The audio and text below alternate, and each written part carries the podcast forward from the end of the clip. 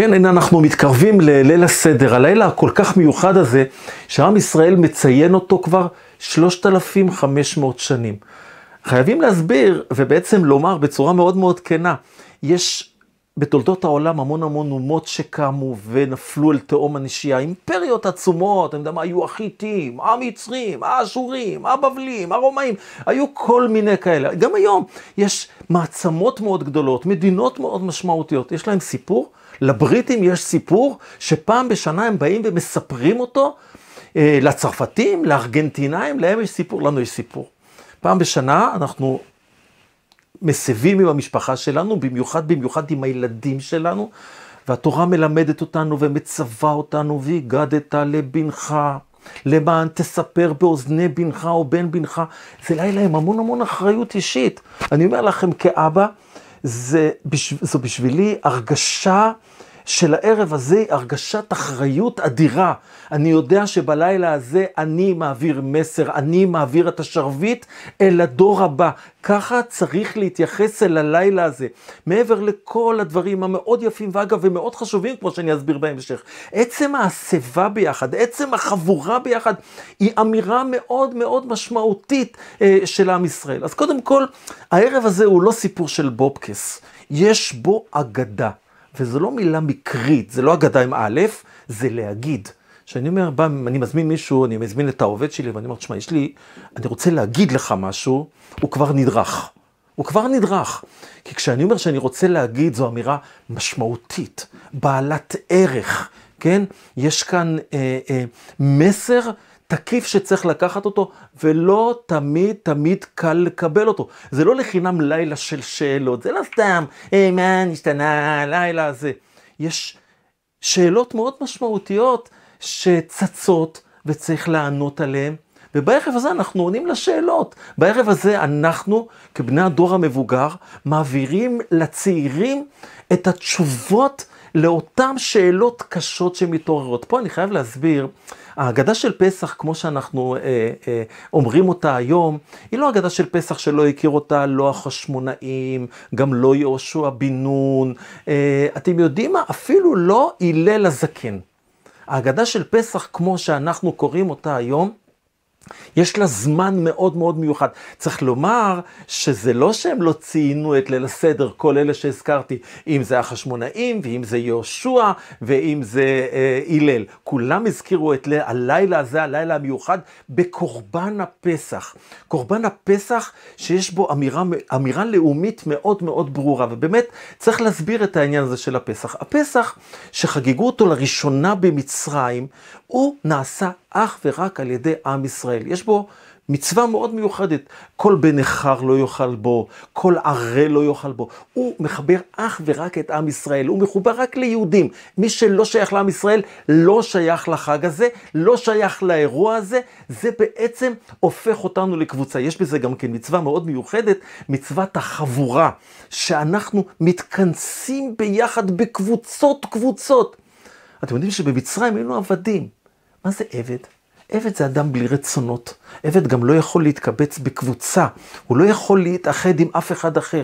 עבד הוא גם שתקן, הוא לא מדבר, רק אומרים לו. אומרים לו והוא עושה.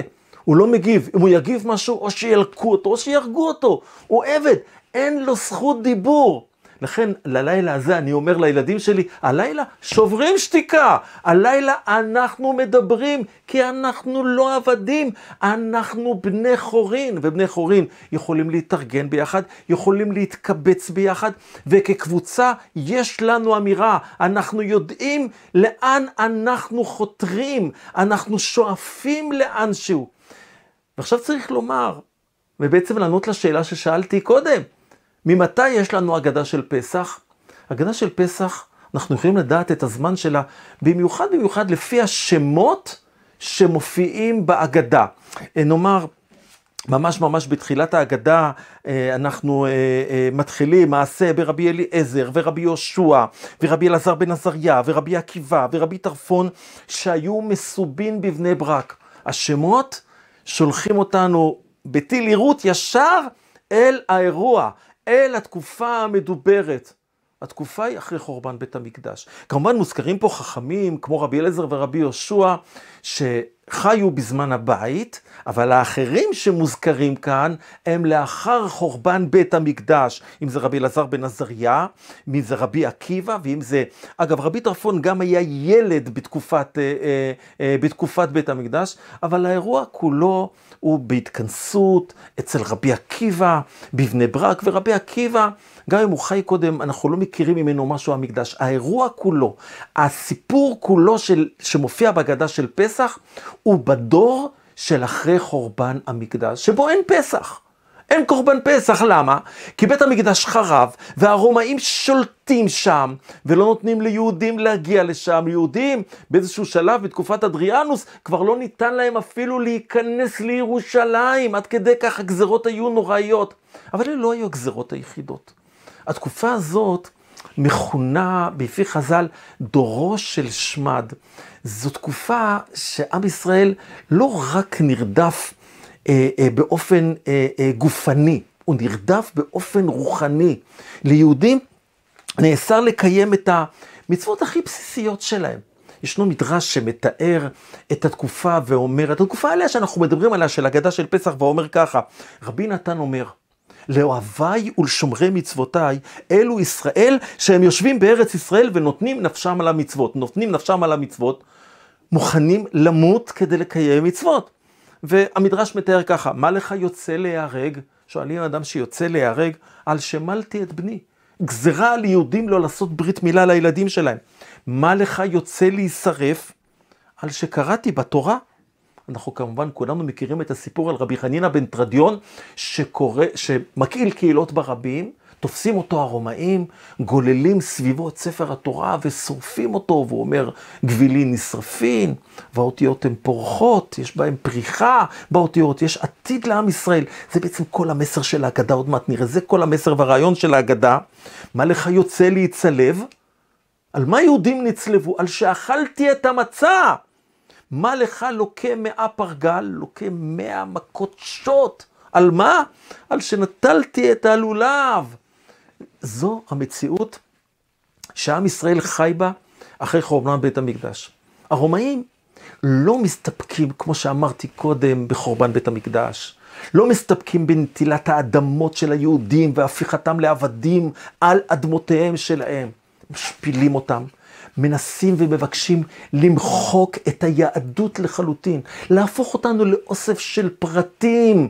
אנחנו כבר לא אומה, אנחנו לא קבוצה, כי הדברים האלה שדיברנו עליהם קודם, הם בעצם הופכים אותנו לאומה. אם זו אכילת המצה, אם זה נטילת הלולב, אם אני נוטל לולב ואתה נוטל לולב, אנחנו שייכים לאותו זהות, לאותו סיפור. אם אנחנו עושים ברית מילה לבן שלנו, לבנים שלנו שנולדים, אז אנחנו שייכים לאותה מצווה, לאותה מערכת של חוקים. הרומאים מנסים ומבקשים למחוק את זה.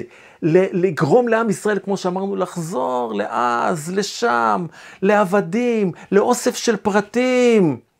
ולכן כל כך כל כך חשוב העניין הזה של ההיגד, של הדיבור, של הקבוצה שהולכת ומתלכדת למרות כל האמירות האלה, למרות כל בעצם הניסיון הזה של הרומאים לבוא ולמחוק אותנו ולהפוך אותנו, כמו שאמרתי קודם, לאוסף של פרטים. הלילה הזה הוא לילה שבו אנחנו נותנים לילדים שלנו את האמונה. ישנו, ישנה אמירה מאוד מעניינת בהגדה, שבן זומא אומר, אומר, לא זכיתי שתעבר יציאת מצרים בלילות. סליחה, רבי אלעזר בן עזריה אומר, לא זכיתי שתעבר יציאת מצרים בלילות עד שדרשה בן זומה. מה זה הלילות? מה זה יציאת מצרים בלילות? הלילה זה הזמן של החושך, של האפלה, של הייאוש, של חוסר התקווה.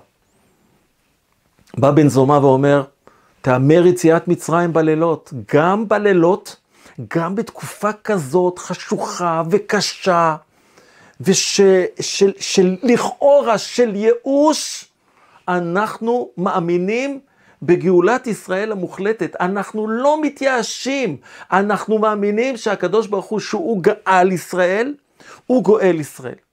ישנו איזה אירוע מכונן שקרה לי באופן אישי כשהייתי חבר כנסת, ממש ממש בתקופה, ב, בימים הראשונים שהייתי בכנסת, יצא לי לתת אה, אה, נאום מעל בימת הכנסת, ושם הקראתי פסוק מספר ישעיהו, מנבואות הנחמה של ישעיה, שבו הוא אומר, יבש חציר נבל ציץ ודבר אלוקינו יקום לעולם. הווה אומר שהקדוש ברוך הוא מבטיח לנו, הכוונה היא כמובן על הבטחת הגאולה של עם ישראל, זה יקום, זה יתקיים. אף אחד לא יכול לעצור את זה, לא שלום עכשיו, לא החמאס, לא שוברים שתיקה וגם לא אה, אה, אה, אה, מנסור עבאס. אף אחד לא יכול לעצור את זה. כשהקדוש ברוך הוא גואל ישראל, זה הולך וקורה, הולך ומתרחש, אף אחד לא יעצור את זה. אמרתי, ודבר אלוקינו יקום לעולם, נכנס למליאה, חבר כנסת אז ממפלגה שנקראה קדימה, היא הייתה יותר אחורה מאשר קדימה, אבל זה היה חבר הכנסת משם, והוא צוחק לי ומלגלג לי, דבר אלוקינו, דבר אלוקינו. למחרת, כשהייתה לי הזדמנות נוספת לנאום, אמרתי, אני אתן לפלסנר בעצם תשובה ללגלוג שלו. וסיפרתי סיפור. לפני 900 שנים סיפרתי, היה ליל הסדר, אי שם בספרד, או אולי בצרפת, של מסע הצלב. יושבת משפחה, הגיעו הילדים, יושב האבא, האימא, הילדים, אוכל טעים, שירים יפים, אווירה טובה. ואז האבא אומר, לשנה הבאה בירושלים הבנויה. עומד אחד הילדים ואומר לאבא, אבא, באמת? לשנה הבאה בירושלים הבנויה? גם שנה שעברה אמרת לשנה הבאה בירושלים הבנויה, ואם אני לא טועה גם לפני שנתיים. אבא, אני רוצה בעצם לבשר לך את משהו שאתה מסרב לדעת. ירושלים בנויה, בנו אותה הצלבנים, את ממלכת ירושלים הצלבנים. הסיפור שלנו גמור. אתה רוצה אווירה, פולקלור, קני דלח, סבבה אבא, אבל תפסיק עם האשליות, תפסיק עם החלומות, תפסיק עם ההזיה הזאת. לא נהיה בשנה הבאה בירושלים הבנויה. אומר הילד הריאלי, הרציונלי, המשכיל, האינטליגנט, ההייטקיסט אולי. ואז לידו עומד אח, יושב, ואומר לאבא, אבא, אני מאמין, אני איתך. לשנה הבאה בירושלים הבנויה, ואם לא שנה הבאה, שנה אחר כך, ואם לא אצלי, אצל הבן שלי, אבל לשנה הבאה בירושלים הבנויה. הוא אומר לו, האח האינטליגנט, החכם, המשכיל, ששומע חדשות, אומר לו, גם אתה הזוי? גם אתה משיחי? שאלתי את פלסנר, שלא היה במליאה, מי היה אבא שלך? זה הריאליסט? זה שמתכתב עם המציאות? או זה ההזוי, המאמין, המשיחי? מי היה אבא שלך?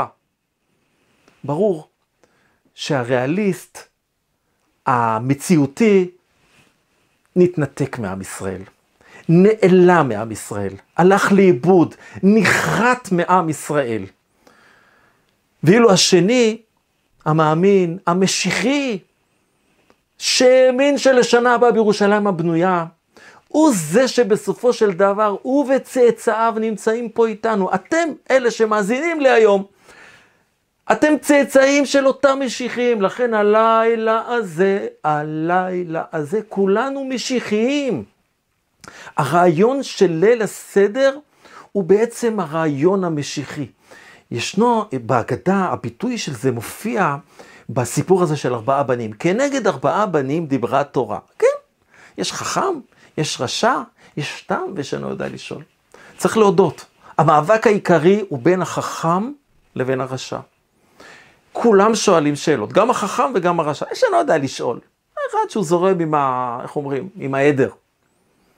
אבל החכם, יש לו שאלות, יש לו שאלות של אמונה. בדור שיש בו צרות, בדור שיש בו רדיפות, בדור שעם ישראל נמצא בשאול תחתיות, באינקוויזיציה, בגטאות.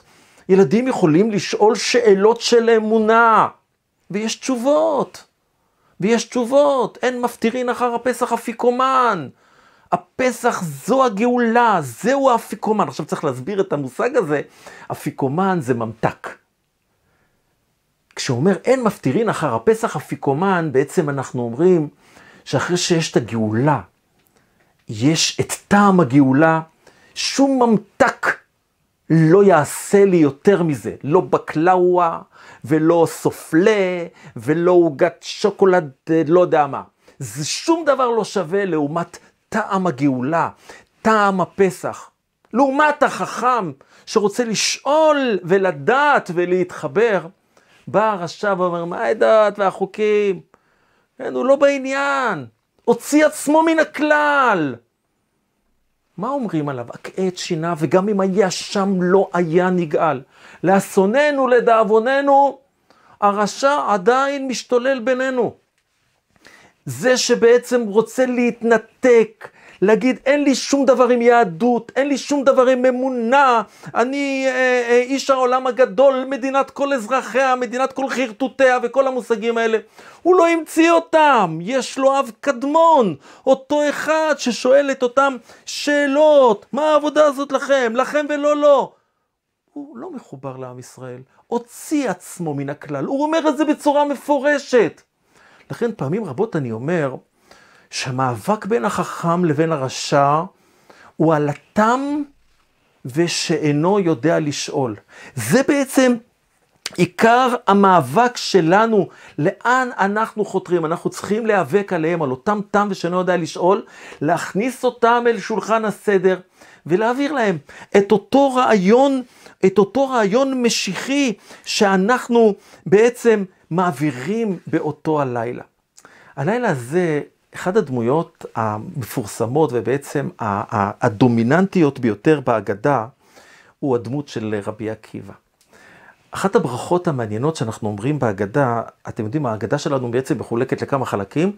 אה, לאחר שאנחנו עושים קדש ורחץ, קרפץ יחץ, אנחנו מתחילים את המגיד, ובעצם מספרים את ההגדה של פסח, עם האמירות המאוד משמעותיות, שאם היה זמן היינו מעריכים ומדברים, ובלילה הזה כל אחד בביתו אה, מן הסתם אה, מעריך.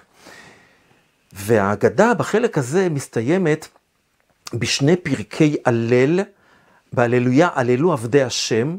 מה זה הללו עבדי השם? אנחנו לא עבדים לפרעה, אנחנו עבדי השם.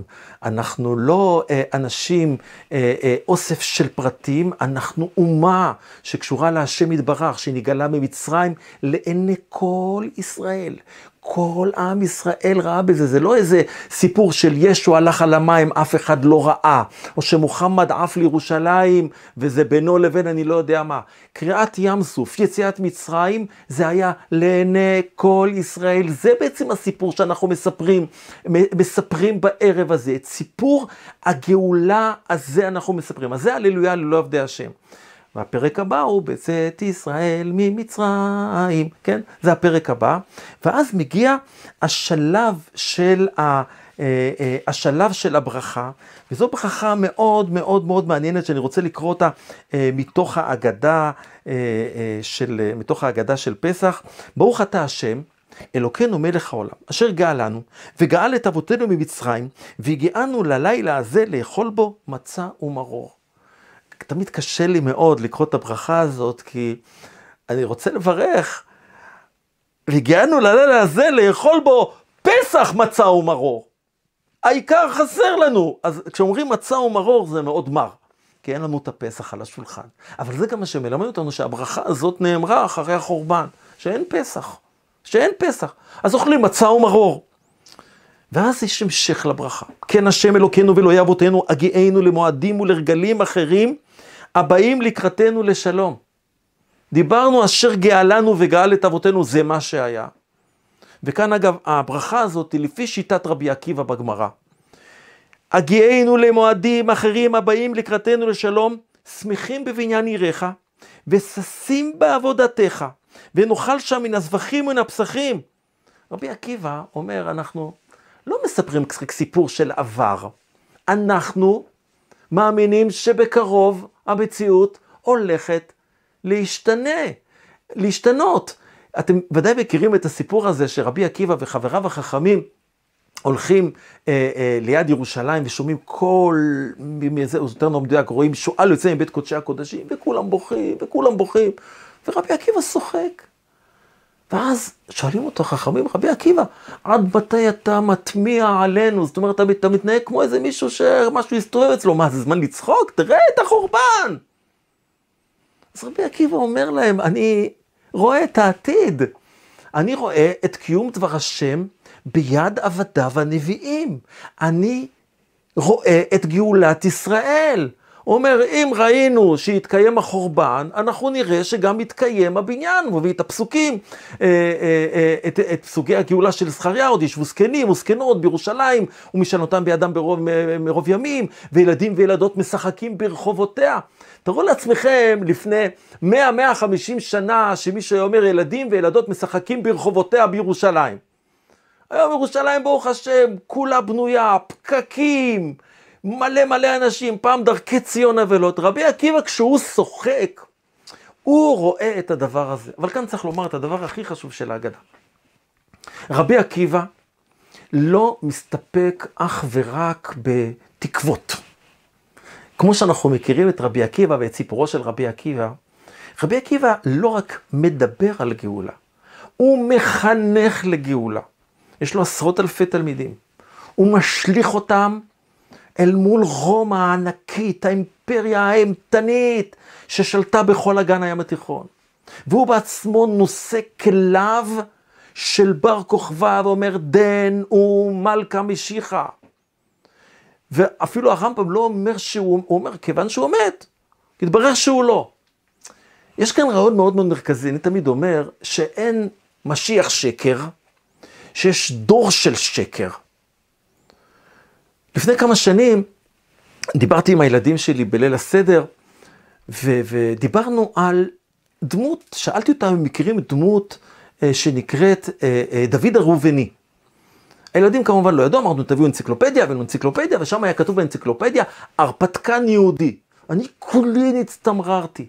אחד מהמנהיגים האמיצים, פורצי הדרך, שבעצם חולל חלק גדול מעליית היהודים במאה ה-16 לארץ ישראל, דוד רוביני ושלמה מולכו. אבל מה עשו להם? יהודים הסגירו אותם. יהודים הלשינו עליהם, לצערנו, לדאבוננו. הם לא היו משיחי שקר, הדור לא קיבל אותם.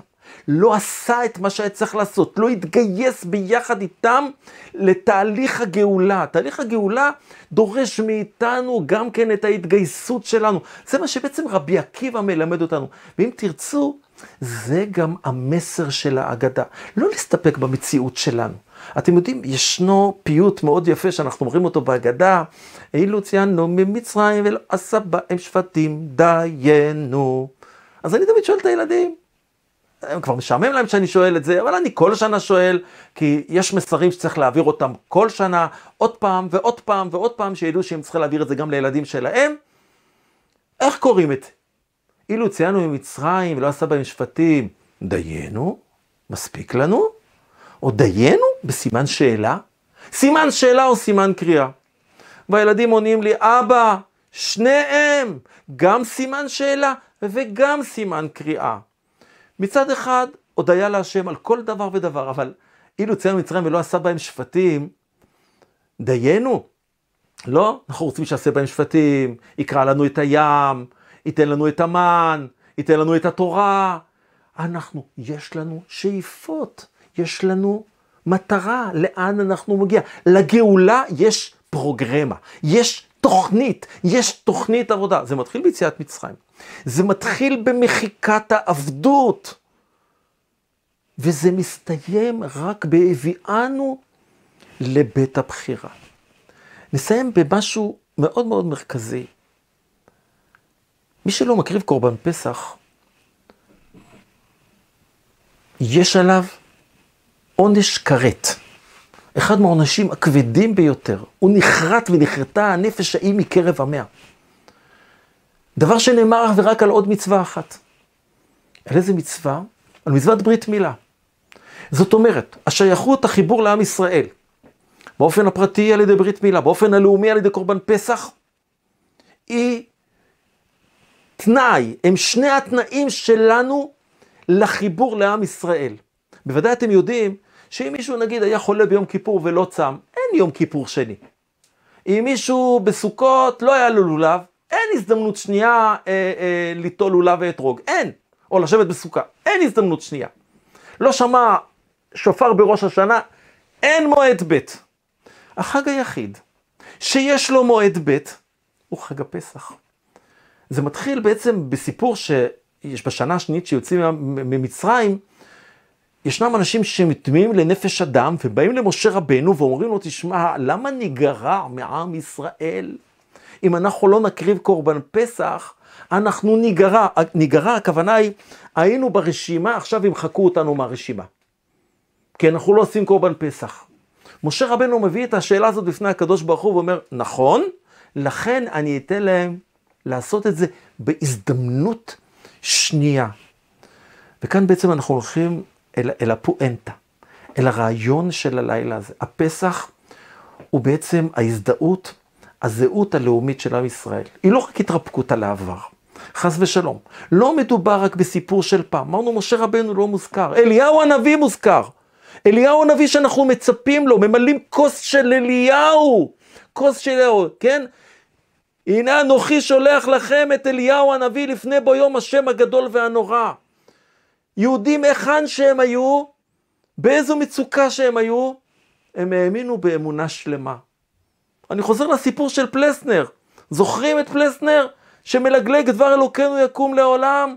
הוא החכם, הידען, היפה, ההייטקיסט, המשכיל. אבל מי שהולך בדרך הזאת ונוטש את דרך האמונה, נחרט מעם ישראל, מתנתק מעם ישראל. זה מה שקרה לכל אלה. אנחנו משיחיים, אנחנו שוברים שתיקה בלילה הזה, לא מתביישים במה שאנחנו. איך אמר יוסף הצדיק?